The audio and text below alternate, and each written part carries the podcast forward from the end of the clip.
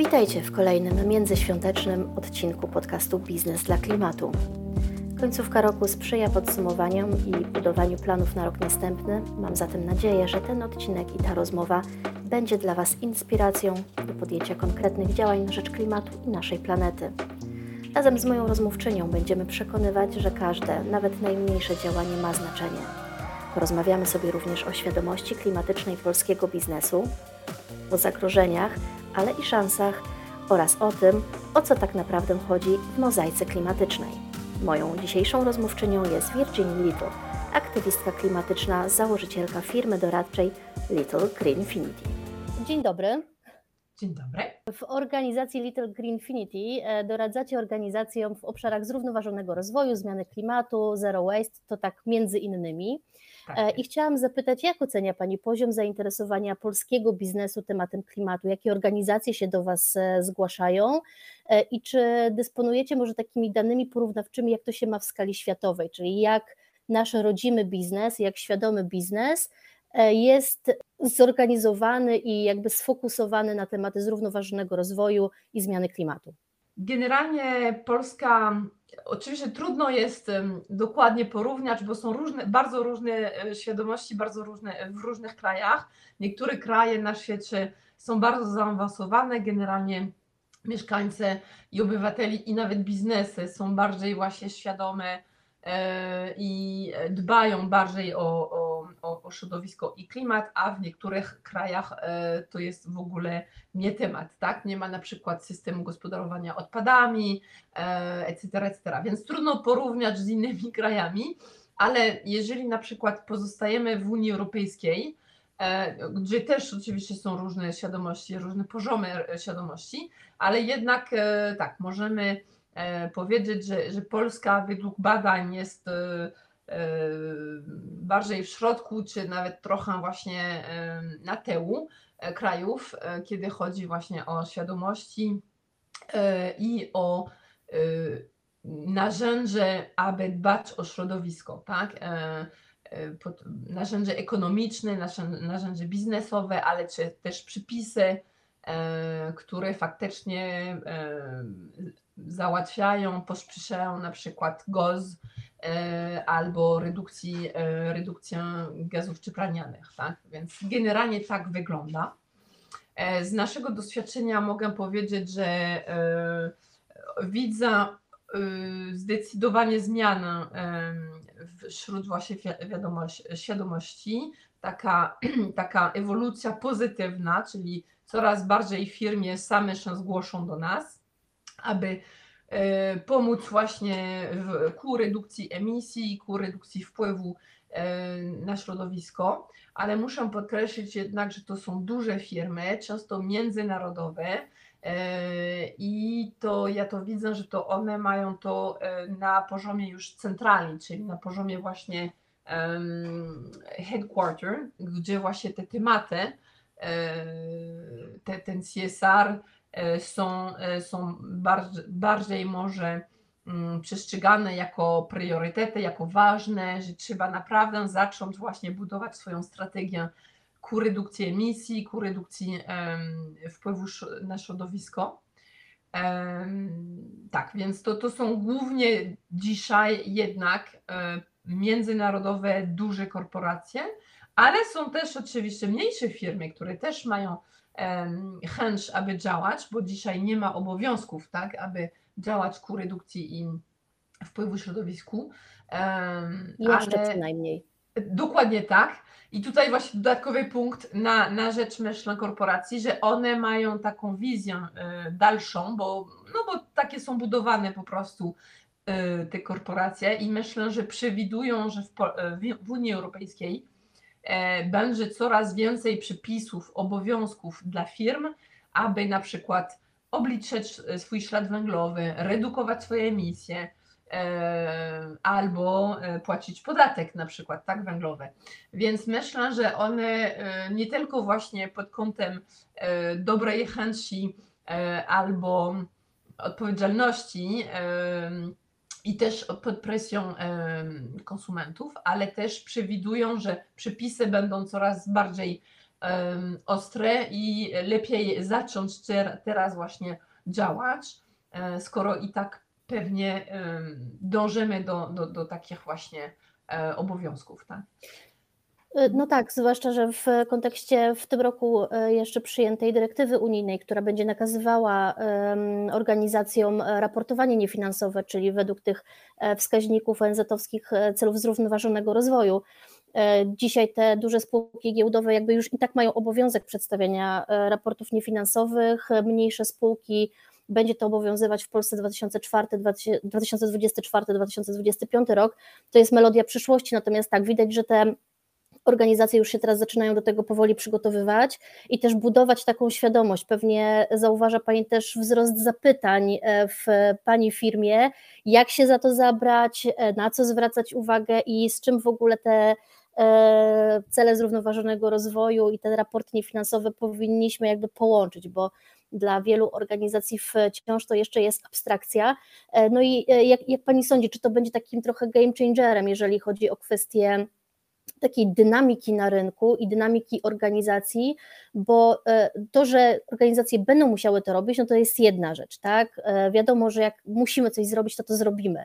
Natomiast druga strona też jest taka trochę bardziej miękka, że żeby poczuć potrzebę faktycznie robienia tego, ale taką wewnętrzną odkoru organizacji, a nie tylko po to, żeby wypuścić raport i mieć go z głowy. No, e, e, dokładnie to jest zawsze taka trudna e, sytuacja, że niektóre, po pierwsze trzeba powiedzieć, że ja generalnie jestem bardziej zwolennikiem wolności i dobrej chęci, czyli wolałabym edukować, aby same firmy, czy obywatele, czy organiza- jakie, jakiekolwiek organizacje same właśnie zrobiły to, co jest potrzebne, aby redukować jeszcze raz swoje emisje albo wpływ na środowisko, ale widzimy już od 40 lat, że niestety nie można liczyć na tej dobrej chęci, e, aby e, dążyć do skali, które potrzebujemy, aby naprawdę właśnie redukować ten wpływ negatywny na środowisko i na klimat. Więc faktycznie musimy, musimy mm, czy ustawodawcy muszą, muszą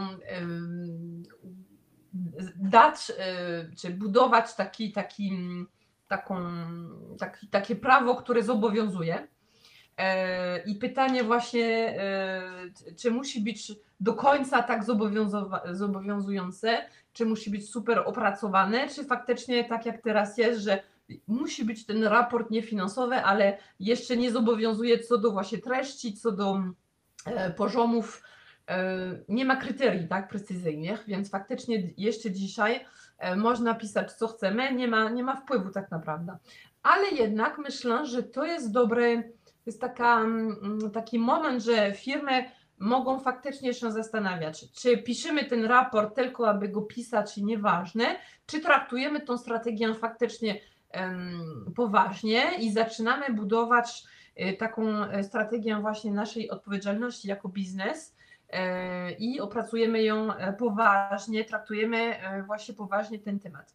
Więc myślę, że na pewno będą firmy, które jeszcze będą korzystały z możliwości, aby nic nie zmieniać albo minimalnie, bo pamiętajmy, że biznes, człowiek generalnie nie lubi zmiany, a biznes jeszcze mniej. Więc, więc faktycznie mogą być takie organizacje, ale myślę, że wiele organizacji w tym kontekście, jak powiedziałam wcześniej, że widzą, przewidują też, że przepisy będą coraz bardziej zobowiązujące, że myślę, że będą traktowali krok po kroku, bo nie mówią, że od razu pierwszy rok, kiedy piszą e, ten raport, będzie od razu bardzo właśnie e, ambitny, że te cele będą bardzo ambitne, ale myślę, że to, to zdecydowanie pomoże.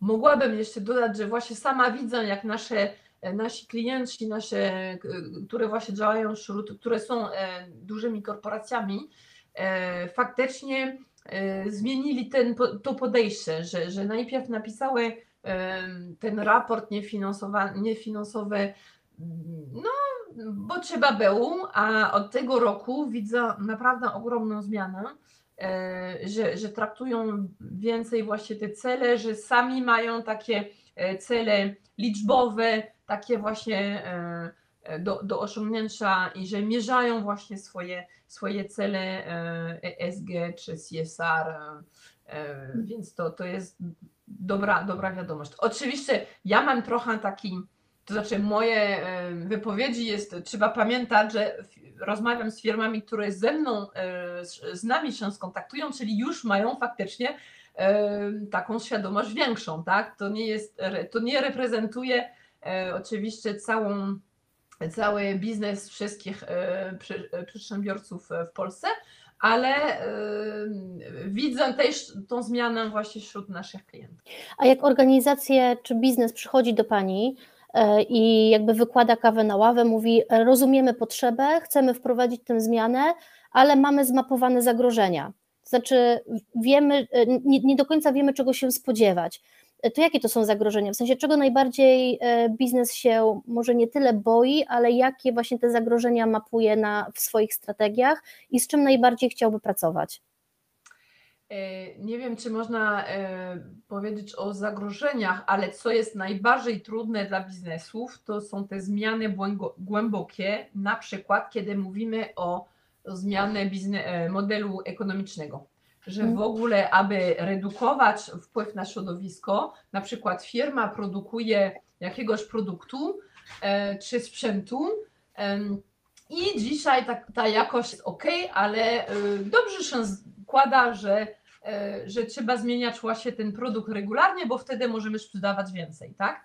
A my, jeżeli właśnie mówimy, to znaczy generalnie mówimy, no trzeba budować inny system, inny model ekonomiczny, trzeba właśnie wdrożyć ten GOZ, a GOZ mówi, że nie musimy, nie tylko, że musimy e, recyklingować i um, używać więcej surowców drugiej, um, drugiego, jak to mówię, z recyklatu, ale że po pierwsze musimy właśnie redukować e, różne materiały i oczywiście przedłużyć jak najdłużej e, życie produktów. Czyli na przykład zmieniać e, od sprzedaży do wynajmu albo sprzedawać też produkty drugiej ręki, etc., etc. Więc to, co właśnie jest najtrudniejsze dla pracowników, z którymi rozmawiamy w firmie dzisiaj, w korporacjach, to jest właśnie zmiana e, modelu ekonomicznego, bo po pierwsze to jest w ogóle inne podejście i e, ci ludzie pochodzą właśnie na przykład ze szkoły handlowej, e, albo w ogóle zostały. My wszystko, ja sama, to znaczy nie pochodzę ze szkoły handlowej, ale jestem ekonomistką, więc oczywiście też pochodzę z, tej, e, z tego świata, że no musimy tak pozyskać, musimy mieć zysk, firma musi powiększyć co rok, etc. etc. Więc Czyli biznes jest, musi zarabiać. Dokładnie. Oczywiście, że biznes musi zarabiać, ale czy musi, e, czy musi powiększyć, sprzedawać coraz więcej, to jest inne podejście, tak? tak.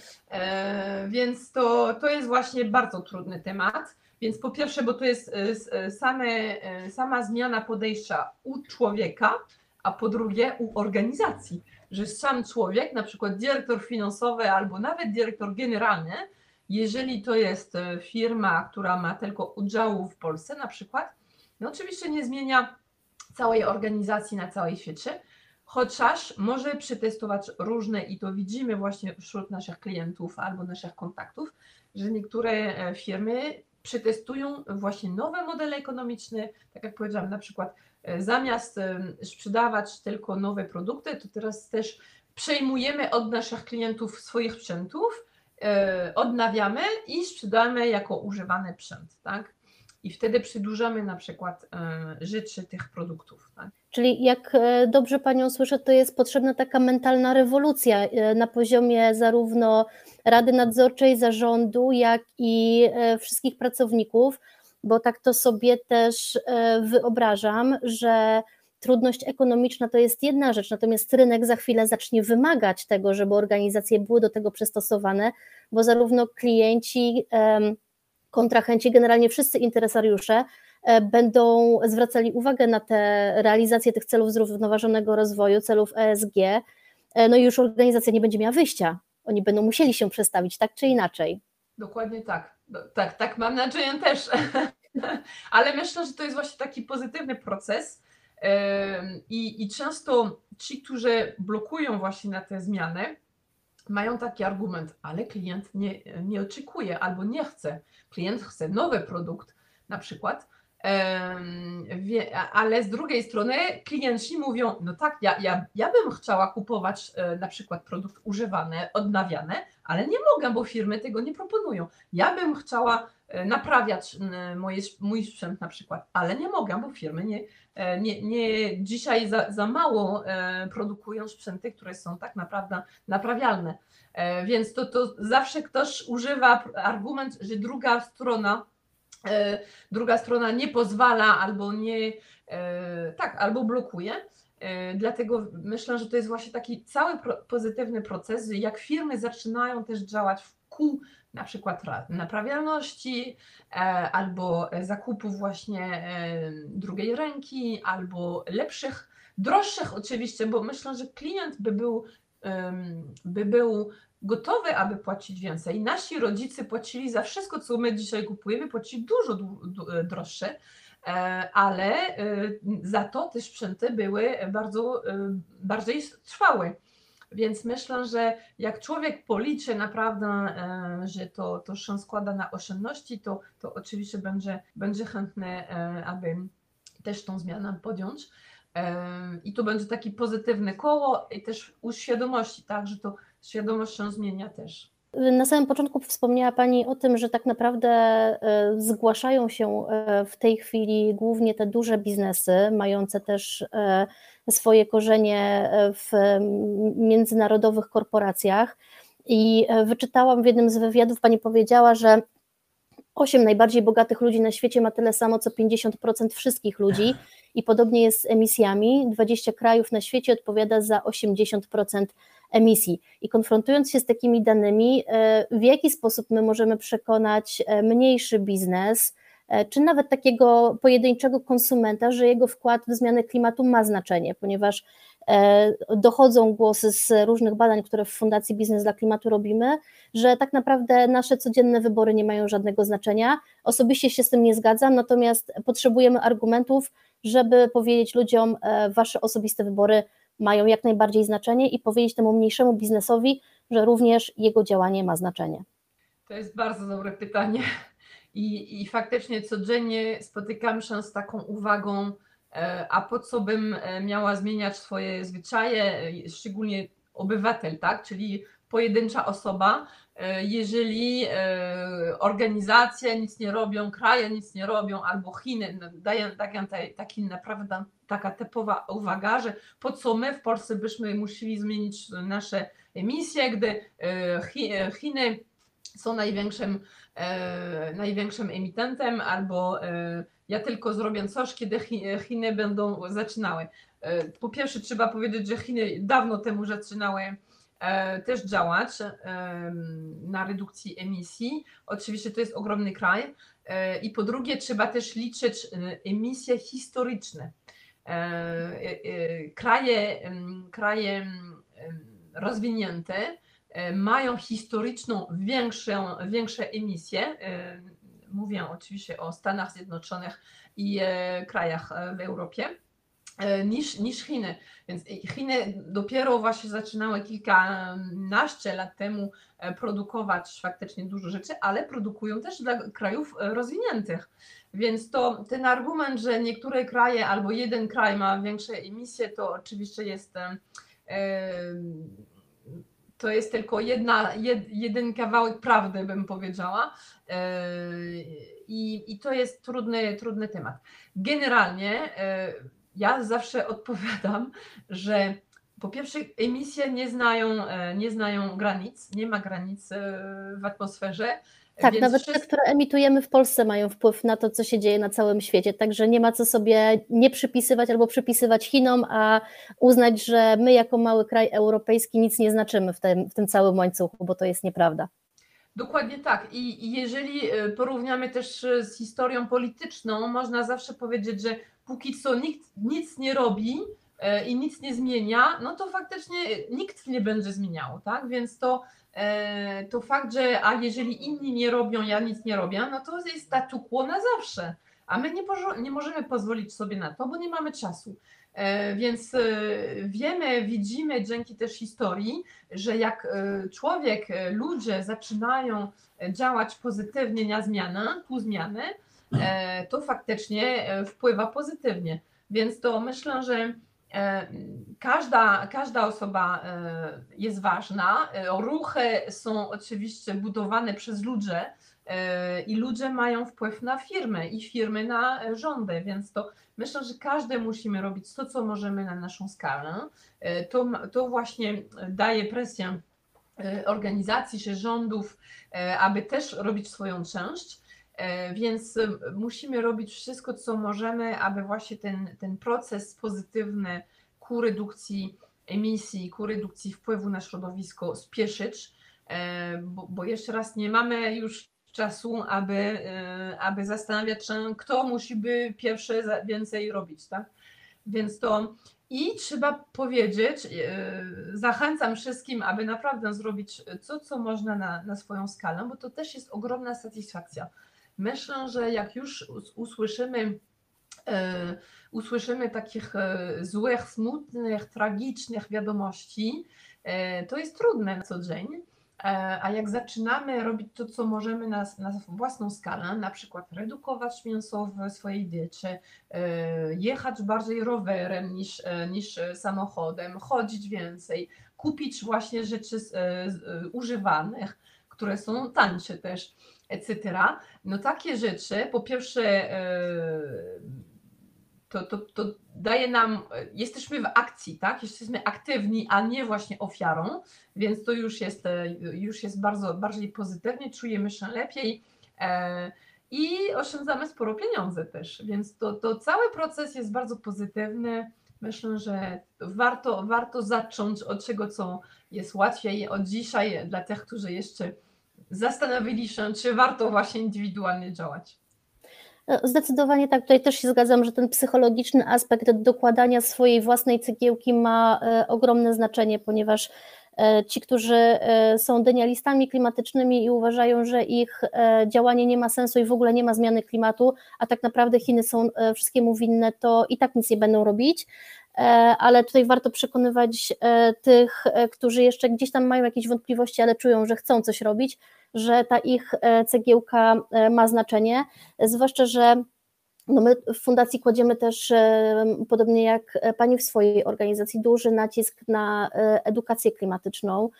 Robimy różnego rodzaju badania stanu wiedzy o klimacie, no i na, na, ten moment nie przedstawia się to jakoś szczególnie dobrze. Tam mamy średnią ocenę 2, jeżeli chodzi o wiedzę klimatyczną tutaj się odnoszę do badania, które zrobiliśmy na grupie pomorskich urzędników.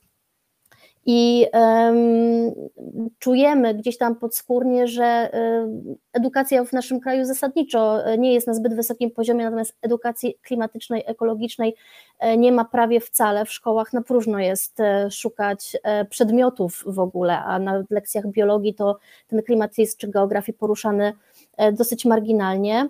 To powinno być czujemy to, że w tym momencie e, stoimy przed takim wyzwaniem, że e, musimy edukować zarówno e, to starsze pokolenie, jak i przede wszystkim tych najmłodszych, bo to im zostawiamy tę planetę w spadku, że tak powiem, i chcemy ją zostawić w jak najlepszej kondycji.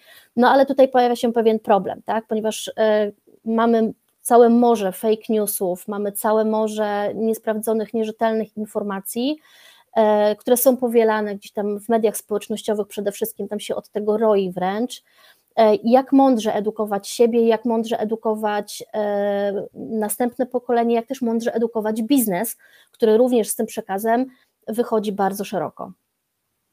Tak, to jest kluczowa, kluczowy punkt, edukacja, bo e, zmiana może być tylko, jeżeli człowiek rozumie, dlaczego właśnie musimy zmienić.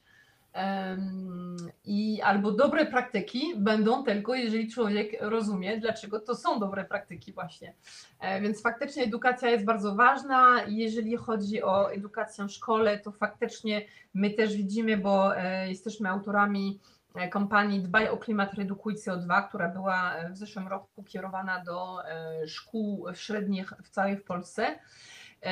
I to było bardzo ciekawe doświadczenie mamy nadzieję, że powtarzamy tą, tą kampanię, bo faktycznie nauczyciele mówią nam, to, bo kampania, może tłumaczę troszeczkę kampanię też, kampania podlegała na tym, że my wyszkolimy nauczyciele, które są chętni, E, dajemy e, materiały, aby prowadzić potem warsztaty e, dla swoich uczniów, więc mają, mają właśnie to za sobą szkolenie i, i mają też materiały.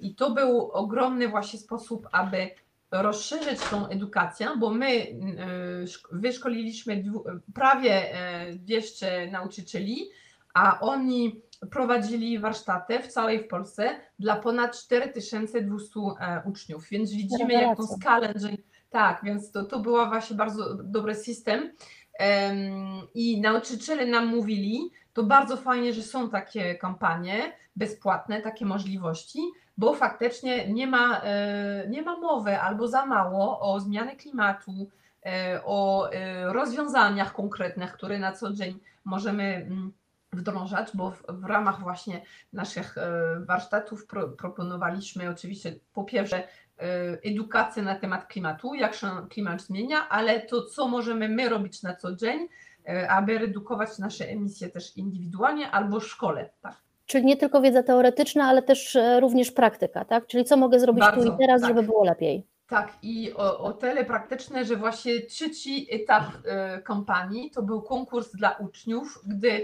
mieli e, projektować e, projekt, która pozwala właśnie szkoła albo ich społeczność lokalną redukować swoje emisje. I nagrodę tych dla, w ramach konkursu to było właśnie finansowanie, aby, aby mm, wdrążać ten projekt. Więc to był bardzo konkretny. Chcielibyśmy, aby pokazać, że faktycznie każdy z nas ma swój wpływ i że to rozwiązanie to nie jest coś kosmicznego, technicznego bardzo albo e, który jest poza właśnie naszym, naszym zasięgiem, ale że faktycznie możemy, możemy wdrążać e, e, i były bardzo różne właśnie te propozycje, bardzo ciekawe, więc, e, więc tak, bardzo praktyczne, aby, aby jeszcze mm, pokazać i, i, i, i dać okazję, aby być w akcji właśnie, że możemy wdrążać w naszej szkole. Tak. Więc y, w szkole to y, o ile podręczniki i e, programy szkolne państwowe, narodowe się nie zmieniają, to musimy działać w ten sposób, na przykład, że firmy, organizacje, które mają możliwości organizować te kampanie, e, to zrobią, tak? Więc jeżeli mogę, to też apeluję, bo szukamy kolejnego partnera, aby wdrążać taki, taką kampanię, bo to nie jest bardzo wymagające finansowo, ale jednak musimy, nasza mała organizacja nie może finansować sama tą, e, tą, tą kampanię. Więc takie, takie przykłady, jakie konkursy, jakie właśnie szkolenie dla nauczycieli, które naprawdę są chętni na temat nie tylko klimatu, ale też zero waste. My też prowadzamy e, w dobrej, właśnie mamy taki, taki, taką misję edukacyjną, że dobrowolnie jako wolontariusze idziemy do szkoły i, i prowadzamy właśnie albo szkolenie dla nauczycieli, albo e, dla e, warsztaty dla uczniów. Tak, więc to, to, to w szkole to tak bardzo potrzebne. W biznesie tak samo. No, człowiek musi wiedzieć, więc albo jest właśnie osoba decydująca w biznesie, który proponuje takie szkolenie, takie warsztaty e, edukacyjne dla pracowników, aby oni mogli rozumieć, jak na własną skalę e, w domu, ale także w firmie mogą zmieniać faktycznie swoje praktyki. Albo jest taki oddolny ruch, że pracownicy sami wymagają, i myślę, że jest coraz więcej właśnie takie, takich ruchów, ruchów, które e, wymagają i, i, i firmy organizują takie właśnie szkolenie, warsztaty, aby, aby edukować, uświadomić e, swoich pracowników i to ma, e, to powinno e, mieć wpływ właśnie na tą strategię, na strategię firmy, aby ta, ta firma też budowała swoją strategię CSR bardziej ambitna i szersza. Tak. No tutaj też e, od razu przychodzą na myśl warsztaty z mozaiki klimatycznej, które Państwo organizujecie i e, mam taką, e, takie poczucie, że to jest pewnego rodzaju odpowiedź na, na potrzeby rynku biznesu związanego z edukacją ekologiczną i trochę te warsztaty tę lukę zapełniają, ale jednak wciąż to jest chyba za mało, prawda? W takim sensie, że E, świetnie, że to się odbywa, fantastycznie, że to jest. Jakby mogła Pani w ogóle powiedzieć, na czym te warsztaty polegają, to też byłoby fantastycznie. E, natomiast jakbyśmy spojrzeli na tym w, szerszy, w szerszym kontekście, to tego powinno być znacznie więcej, tej takiej mądrej, rzetelnej, sprawdzonej edukacji, e, opartej na właśnie warsztatach i angażowaniu całej organizacji w to. Tak. Najpierw może kilka słów faktycznie mhm. o warsztatach Mozaika Klimatyczna dla tych, którzy nie znają jeszcze. E, mozaika klimatyczna to są warsztaty, które trwają 3 godziny. To brzmi dużo, ale z drugiej strony, aby tłumaczyć e, zmiany klimatu plus rozwiązania, to nie jest tak bardzo dużo. E, ale to jest dobry początek do swojej edukacji klimatycznej. Te warsztaty są najbardziej popularne warsztaty na temat zmiany klimatu na świecie. Zostały stworzone we Francji przez Cedrika Ringenbecka który jest wykładowcą w wyższych szkołach na temat zrównoważonego rozwoju. I on e, szukał sposób, aby tłumaczyć swoim studentom e, raportów, raporty klimat, tak, raporty IPCC, czyli międzyrządowy panel do zmiany klimatu, do spraw zmiany klimatu. Czyli takie raporty są bardzo duże, bardzo techniczne, e, zawierają bardzo dużo informacji naukowych. Tak, no powiedzmy sobie szczerze, normalny człowiek by tego po prostu nie był w stanie przejść e, samodzielnie i przeczytać ze zrozumieniem. To, to, to wymaga objaśnienia. Dokładnie. Cedric e, stworzył takie warsztaty, które podlegają na, na grze. Mamy 42 karty, które e, pokazują e, albo przyczyny, albo skutki zmiany klimatu i uczestnicy mają, e, mają budować tą mozaikę, układać tą mozaikę, aby faktycznie pokazać te zmiany klimatu od początku, od przyczyn do, do skutków. To, te, to są też warsztaty w małych grupach, więc jest bardzo e, faktycznie taka E, kameralna atmosfera, bardzo zawsze fajna atmosfera, ale też, że każdy ma szansę angażować się aktywnie, zadawać pytanie, dzielić się swoją wiedzą, etc. Nie ma żadnego poziomu wiedzy wymagany, aby e, e, wziąć udział.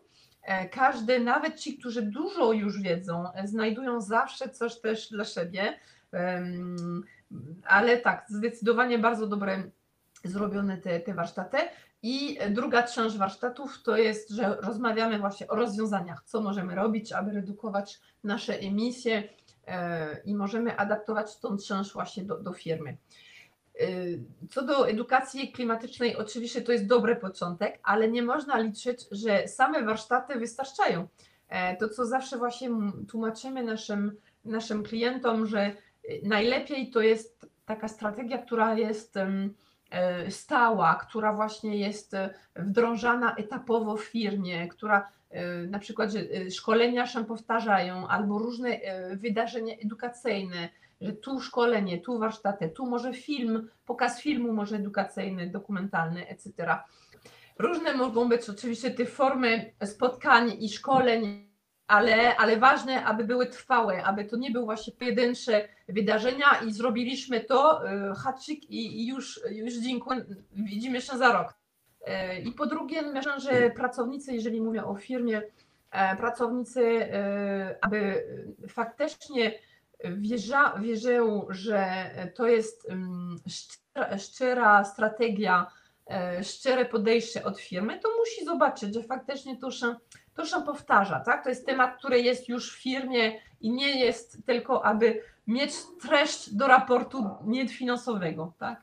W naszej rozmowie już kilka razy tak naprawdę wybrzmiało to e, hasło, z którym idziemy e, przez świat w manifestie klimatycznym, czyli wszystko w naszych rękach. E, już sobie powiedziałyśmy, że e, każda, każde tak naprawdę najdrobniejsze działanie ma znaczenie, ponieważ niesie ze sobą jakąś dobrą praktykę, którą możemy zarazić e, najpierw osoby, które są w naszym bezpośrednim otoczeniu i później kolejnych i kolejnych i kolejnych i wtedy robi się efekt skali, który przynosi tę zmianę. Też wymagamy od, jako konsumenci, od biznesu, żeby był bardziej zrównoważony, żeby e, nie wykorzystywał, nie eksploatował zasobów e, planety, bo widzimy, że jest ich coraz mniej i popadamy w coraz większe klimatyczne kłopoty. I jakbym mogła, bo e, też w Little Greenfinity zajmujecie się Zero Waste, to też już wybrzmiało. E, I to jest zawsze taki ciekawy temat, co, na te, e, co w obrębie własnego na przykład e, zakładu pracy, własnej organizacji, nawet w obrębie własnego domu możemy robić takie trzy podstawowe rzeczy, które pozwolą nam żyć w sposób bardziej zrównoważony. Bądźmy ambitni na ten nowy rok. Mierzmy właśnie nowe postanowienia, czy postanowienie nowego roku, aby iść jeszcze krok dalej. Więc co możemy robić e, w domu? No, po pierwsze, oczywiście redukować, e, redukować e, produkty w naszej diecie, które pochodzą właśnie albo z mięsa, albo zwierzęta, albo z daleka. Bardziej jak najwięcej produktów lokalnych, nie kupujemy produktów przećwiarkanych, gotujemy razem, to zawsze jest też bardzo przyjemne, kiedy mamy czas, a coś szybkiego też da się robić zdrowego, i, i produktów właśnie lokalnego i e, sezonowego. W ten sposób też wspieramy, wspieramy gospodarkę lokalną, e, więc to jest bardzo też ważne dla, dla kraju, dla naszej e, lokalnej właśnie gospodarki. I to ma wpływ też właśnie na, na środowisko. Jeżeli możemy kupić produkty ekologiczne, to albo od, od gospodarstw, które wiemy, że nie używają właśnie chemii, E, to jest lepiej. Nie musi być tak certyfikowane, że są ekologiczne, ale jeżeli wiemy, że nie używają e, chemii, to, to jest mm, lepiej dla, dla środowiska oczywiście i dla naszego zdrowia. E, po drugie, może zaczynamy też w konsumpcji inaczej konsumować, że właśnie kup, kup, możemy kupić albo bez opakowań, albo w opakowaniach nieplastikowych, bo to jest naprawdę najgorsze materiał dla naszej ziemi. Już nasza ziemia E, no zdecydowanie ma za dużo plastiku, więc e, redukujmy właśnie ten plastik jak najwięcej. E, możemy kupić oczywiście bez opakowań, na wagę nasze produkty, naszą żywność, a co do właśnie sprzętów, mebli, etc., po pierwsze możemy zawsze zastanowić się, czy naprawdę coś nowego potrzebujemy, a po drugie, jak odpowiedź jest tak, no czy możemy kupić właśnie używanych, tak? czyli z drugiej ręki. E, bo to zdecydowanie może ważna informacja, aby rozumieć, dlaczego te produkty z, z drugiej ręki są ważne. Najwięcej wpływ, ale naprawdę największy wpływ na środowisko i na klimat, to zależąc od produktów, to jest od 60 do 80%, odbywa się w momencie eksploatacji surowców, czy wydobycia surowców i transformacji do, produ do produkcji produktu. Czyli jeżeli przedłużamy jak najwięcej rzeczy tych produktów albo kupujemy używanych, to zdecydowanie nie wymagamy nowych produktów i od razu ogromnie redukujemy nasz wpływ, nasz wpływ na środowisko. Więc tutaj e, co do konsumpcji jest wielu, e, wiele naprawdę sposobów, aby redukować ten wpływ i e, zastanawiać się właśnie, czy kupować może prezenty niematerialne, na przykład tak, zaproszenie do teatru, takie, takie prezenty, bardziej niż coś konkretnego, e, materialnego. I, e, i e, trzecie może możliwości w, w domu, to co do transportu. Mobilność to też punkt. Dzisiaj często większość, 60% ludności w Polsce mieszka w miastach, gdzie normalnie mamy bardzo bezpieczny, dobrze zorganizowany i czysty transport miejski. E, więc warto korzystać, jeżeli możemy właśnie z tego, e, aby, aby jechać dalej, a blisko e, do dwóch kilometrów powiedzmy, że możemy pewnie chodzić albo, albo jechać, jechać rowerem, to zdecydowanie redukuje właśnie wpływ negatywny samochodów na, na powietrze też. Pamiętajmy, że generalnie w, mie w mieście optymalny transport do 5 km to jest rower, bo generalnie nie mamy, nie mamy tak dużo świateł e, drogowych, e, mamy ciężki, e, 5 km nie musimy szukać miejsca do parkingowania, tak, a dzisiaj w miastach to jest ogromny problem, więc warto się zastanawiać, czy naprawdę nie, nie mogę właśnie jechać, chodzić, przepraszam, albo jechać rowerem na krótkie dystanse. A jeżeli nie mogę do pracy na przykład całą drogą, to może częściowo, może jadę do, na dworzec rowerem albo na piechotę, a potem jadę na przykład pociągiem, metrem, tramwajem, etc. Tak? Więc to, to nie jest tak, że nie mogę robić 100%, że nic nie muszę robić, tak? Więc warto się zastanowić właśnie na jaką skalę dzisiaj mogę zacząć działać, a może się zmienia w przyszłości i mogę robić więcej właśnie z czasem, tak? w pracy. E, oczywiście nie zmieniamy się, nie, nie zamykamy nasze oczy na praktyki, które są już wdrożone w, w pracy i warto dzielić się właśnie swoją wiadomość, e, świadomością, swoją wiedzą na, ten, na temat klimatu i środowiska i co właśnie można robić w firmie. E, często firmy, które na przykład um, produkują, tak można powiedzieć, usługi, mówią, a my nie mamy wpływu negatywny, bo nie produkujemy produktów. Każda firma ma swój wpływ, Różny bywa oczywiście, a każda firma może coś robić. Na przykład w każdej firmie, która ma biuro, można wdrążać takie biuro Zero Waste, czyli właśnie wdrążać taki program, który pokazuje, jak możemy redukować wpływ e, w biurze, drukując mniej oczywiście, ale nie tylko. Też e, mówimy o energii, o zasobach, e, co oczywiście dzisiaj jest bardzo e, dobrze, mile widziane, bo to składa się na, na oszczędności. E, I takie biuro, e, taki program Biuro Zero Waste, który też Little Green Infinity wdroża, e, u nas na przykład to się składa też z, z warsztatami dla pracowników, bo dokładnie tak jak powiedziałam, aby zmieniał e, swoje nawyki, e, musi rozumieć, dlaczego inaczej dzisiaj będziemy robić, od dzisiaj będziemy robić. Tak? Więc to ważne, aby, e, aby właśnie były te, te warsztaty, które też pozwalają edukować człowieka generalnie, czyli wraca do domu też z tą wiedzą i może zacząć działać też w domu.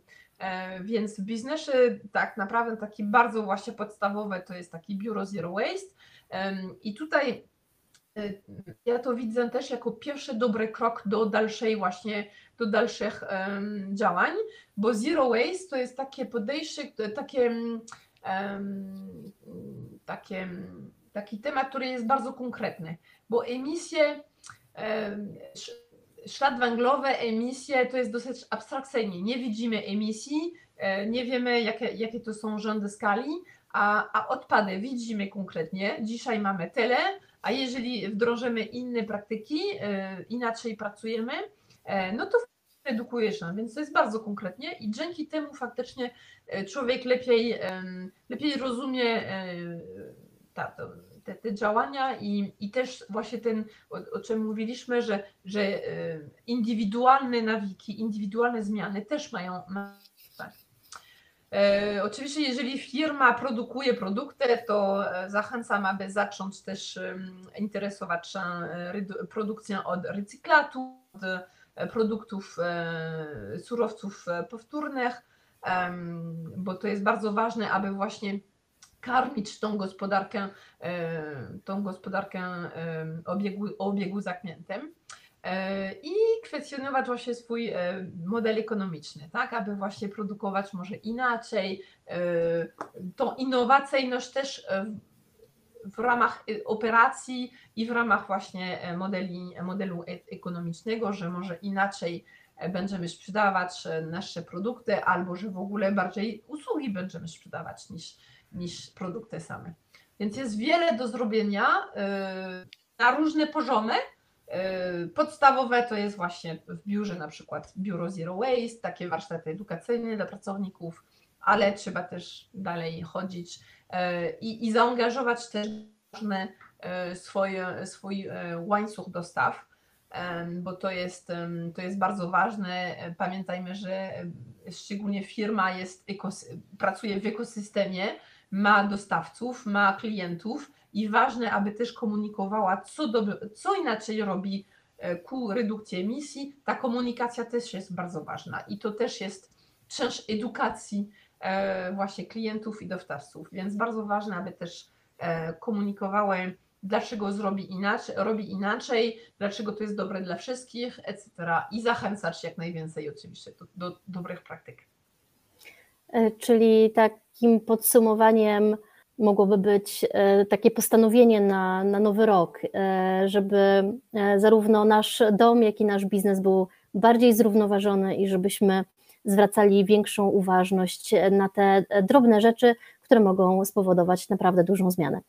Bardzo Pani dziękuję za, za rozmowę, bardzo ciekawe wątki. Bardzo dziękuję za rozmowę, to był bardzo ciekawy, mam nadzieję, że inspirujące dla słuchaczy. Zdecydowanie tak. Dziękuję bardzo. Dziękuję.